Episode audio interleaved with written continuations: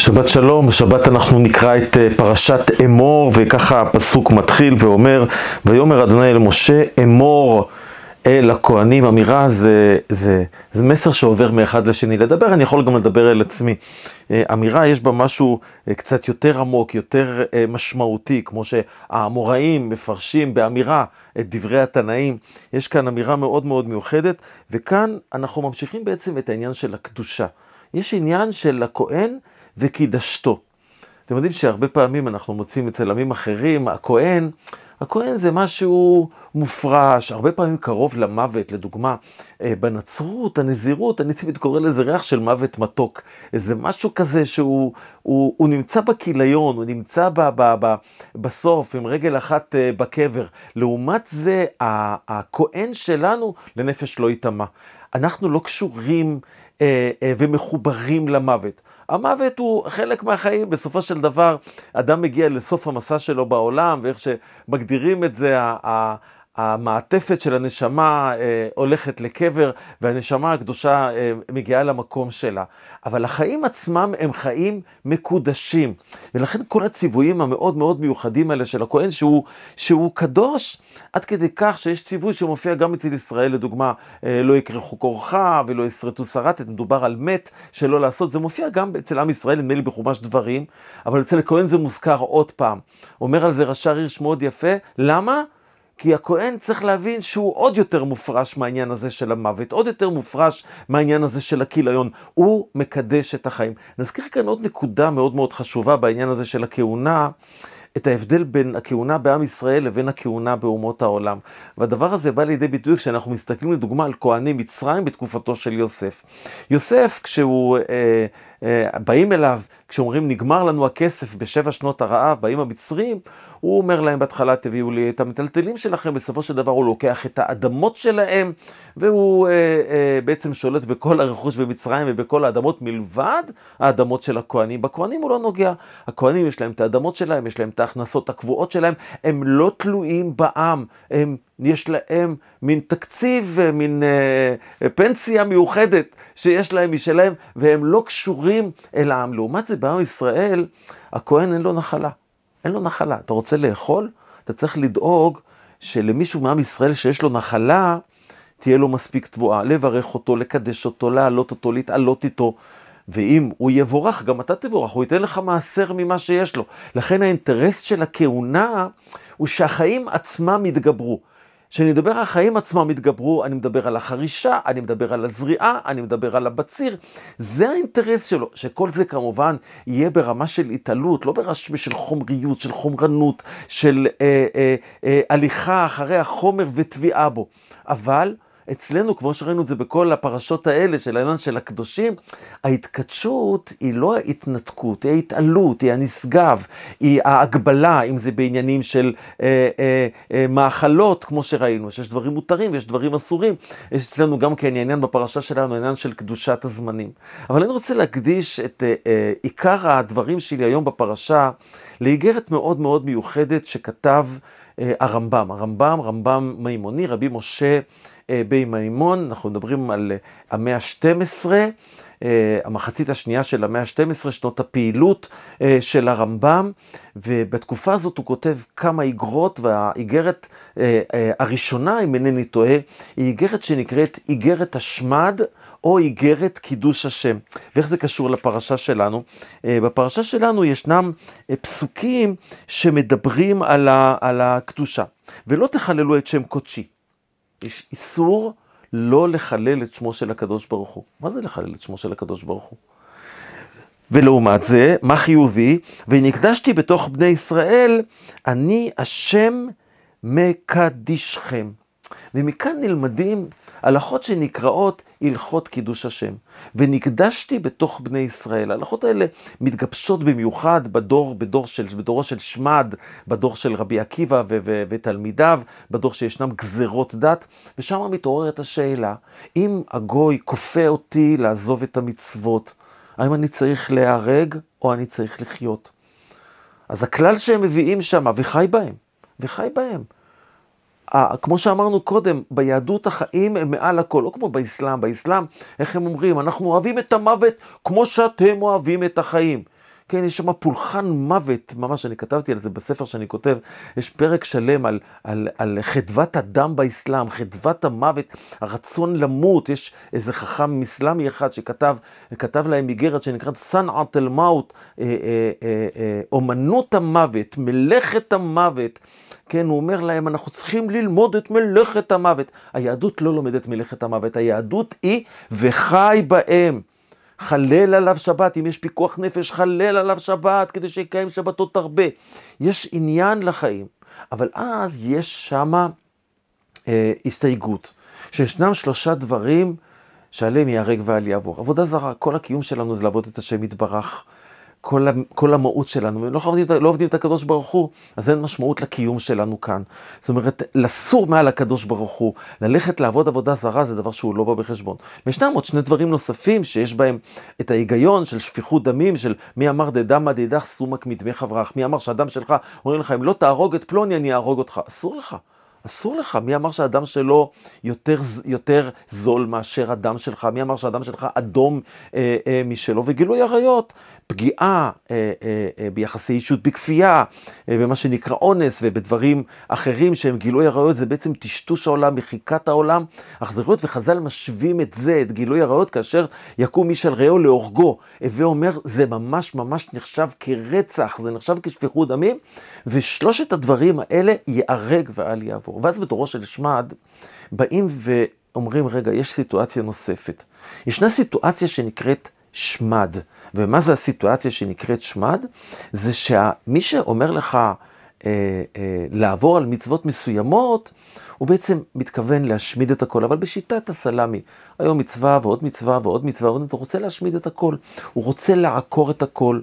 ואז מלמדים אותנו שם חכמים, ונקדשתי בתוך בני ישראל, שזה בפרהסיה, וזה נעשה לשם המטרה הזאת, אז מוסרים את הנפש גם על שאר מצוות, עד כדי כך שבאותו הדור מסרו נפש אפילו על מצוות עשה, כמו נטילת לולב, כמו אה, אכילת מצה, כמו הנחת תפילין, גם על מצוות האלה שהרומאים אסרו, יהודים מסרו את הנפש. מה לך יוצא להצלב, עד שנטלתי את הלולב, מה לך יוצא אה, להרג, עד שאכלתי את המצה, מה לך לא הפרגל. בקיצור, כל מצוות עשה שיהודים מסרו עליהם את הנפש, והרמב"ם ב... אה, האמת היא, הכסף משנה בהלכות יסודי התורה מדבר על העניין הזה שלעיתים יש צורך כדי לשמר את הדת, לעשות משהו שהוא מוקצן אפילו על מצוות עשה, אפילו על מצוות עשה.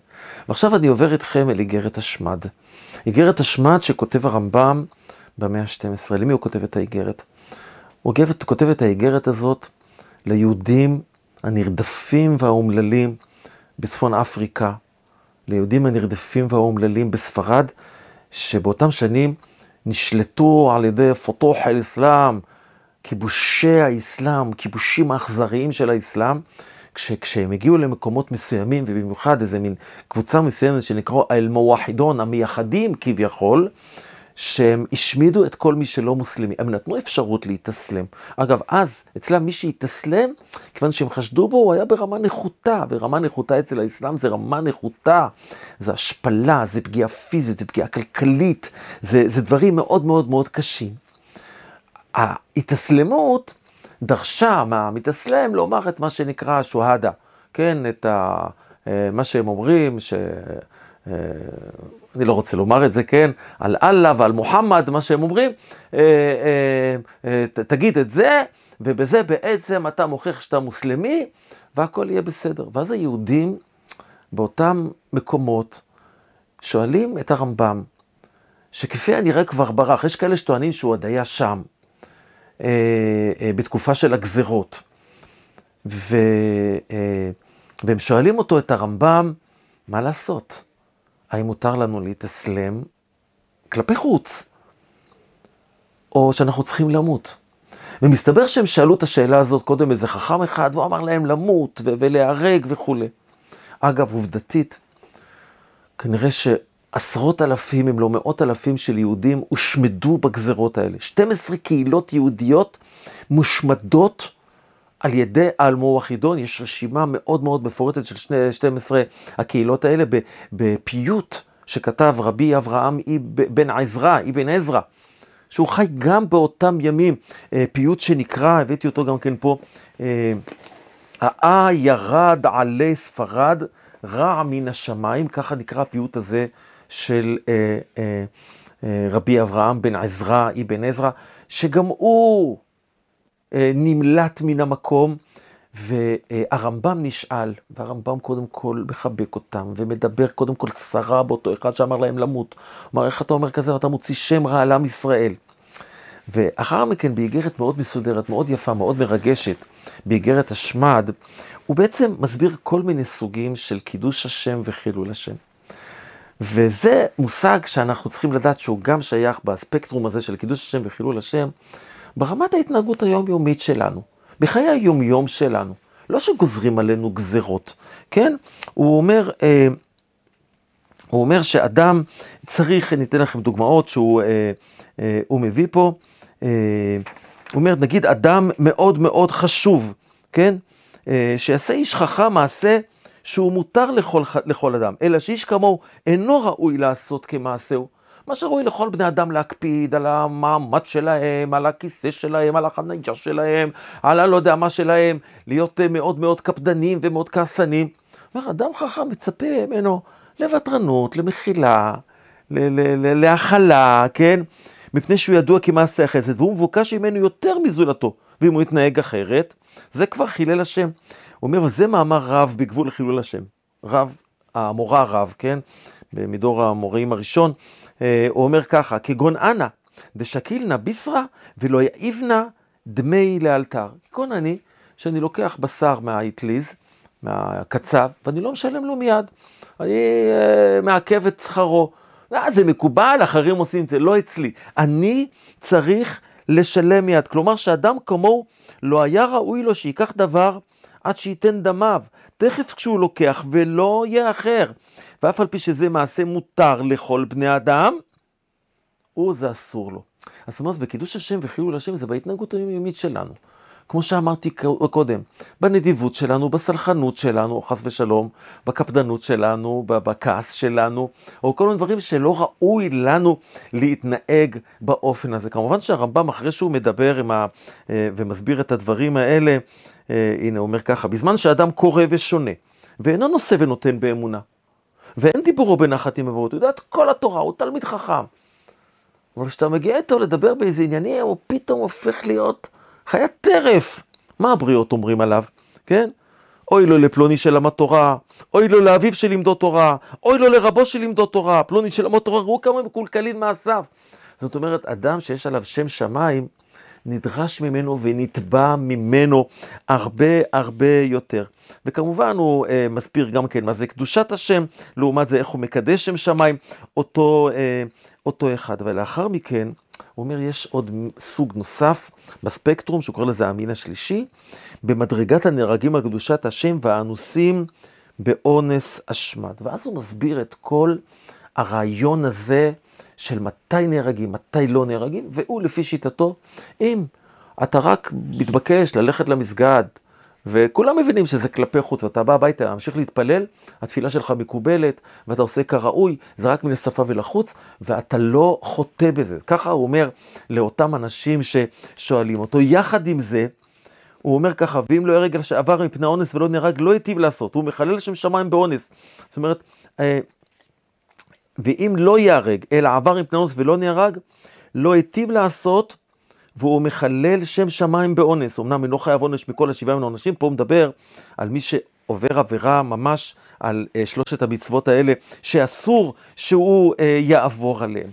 ואחר כך, אחרי כל הדברים האלה, אומר לנו הרמב"ם, שבכל זאת, בכל זאת, הוא אומר, אם אתם מבקשים ממני עצה, היהודים שנמצאים במקומות האלה, והעצה שאני יועץ לנפשי, והדעת שאני רוצה בה לי ולאהוביי לכל המבקש ממני עצה, שיצא מאלה המקומות. וילך למקום שהוא יכול להעמיד דתו ולקיים תורתו בלא אונס ולא יפחד. ויעזוב ביתו ובניו וכל אשר לו, אפילו שזה מצריך ממנו לעזוב נכסים, לעזוב משפחה. כי דת השם שהנחיל אותנו גדולה, וחיובה קודם לכל המקרים הבזויים בעיני המשכילים, שהם אינם עומדים, ויראת השם היא שעומדת. חסדי השם, אנחנו חיים בתקופה שאין לנו שום בעיה לשמור את המצוות, לקדש שמו של הקדוש ברוך הוא, אבל היהודים האלה, איזה מסירות הם היו צריכים, איזה הקרבה הם היו צריכים כדי לקיים את מצוות הדת, כדי להניח תפילין, כדי לשמור שבת, כדי לקיים תפילה, כדי לשאת שם שמיים עליהם. היו צריכים לעזוב את ביתם, ללכת להיטלטל בדרכים, באוניות תרופות, למצוא את פרנסתם במקום אחר, להיות זרים בארץ נוכריה, שלא מכירים את שפתה ולא מכירים את עסקיה. אבל זה מה שעושה הרמב"ם, הוא מטלטל, מטלטל, מטלטל, מגיע לארץ ישראל, מגיע למצרים, והשאר היסטוריה, מה שהוא משאיר אחריו הרמב"ם, אה, אה, הכתבים העצומים שלו, וכמובן בראש ובראשונה היד החזקה אה, אה, של הרמב"ם. ועכשיו אני הבטחתי שאני אה, אומר משהו מה, מהשירה הזאת של, אה, של אה, אה, רבי אברהם בן עזרא. השיר שהוא קורא לו, "אה ירד על ספרד רע מן השמיים". פיוט נורא ואיום. אתם יודעים שבאותה תקופה היה גם כן גזרות באירופה, והושמדו שם קהילות שלמות של יהודים, ונכתבו על זה מחקרים ומאמרים ופיוטים. וכן, מסעי הצלב, מסעי הצלב הראשונים, ולאחר מכן דברים נוראים ואיומים, קהילות הקודש המסרו נפשם. על קהילות ספרד, 12 קהילות שהושמדו, לצערנו הרב נשאר מאות מאוד, משהו מהמעט הזה נשאר לנו פה בפיוט הזה של, אה, של הרמב"א, של האבן עזרא, שאומר ככה, בכוח עיני כיעני על עיר אליסנה. הוא מזכיר את שמות כל הערים שהושמדו בזו אחר זו, בעין השם, בדת שם, הגולה שכנה. אה, אני, אני אה, אדלג, באין תורה ואין מקרא, והמשנה נטמנה, והתלמוד כמו גלמוד, כי כל עודו פנה, ויש אורגים, וגם האורגים, מקום ענה וענה, מקום תפילה ותהילה, לבית תפילה נתקנה, לזאת אבכה וכף אכה, ופי תמיד קינה. ומי ייתן ראשי מים, ואז הוא מדבר על גולת אשביליה, אישביליה, עוד קהילה, על אצילים, הם חללים, ובניהם בשביה, ועל בנות מעודנות נמסרו לדת נוכריה. איך עוזבה עיר קורטובה, ותהי קיים שהייה, ושמך חיים עצומים, מתו ברעב ובצייה. הוא מתאר כאן את היהודים ש, שנאנסים, הוא מדבר על, על קהילת סיגלימסה, עיר גאונים ונבונים, מאורם חושך כיסה, ושח עמוד התלמוד והבנייה נהרסה, ועל יקרים מדוכרים, אין אויב לא חסה. אה אפס, ואז הוא מזכיר כל קהילת פס, המקום שממנו בא הרמב"ם, אליהם הוא כותב את האיגרת, יום ניתנו לי משיסה. הוא מזכיר עוד ועוד ערים שהוכו והושמדו 12 קהילות יהודיות שקידשו את שמו של הקדוש ברוך הוא, כמו שקראנו בפרשה שלנו, קראנו את הפסוקים האלה, ושמרתי מצוותי ועשיתם אותם אני השם, ולא תחללו את שם קודשי, ונקדשתי בתוך בני ישראל. אני השם מקדשכם. איזה זכות יש לנו שאנחנו חיים בדור שאנחנו לא צריכים לעמוד בכל הניסיונות האלה. אנחנו יכולים באורחות החיים שלנו, בכל ההתנהלות שלנו, לקדש שמו של הקדוש ברוך הוא. שבת שלום.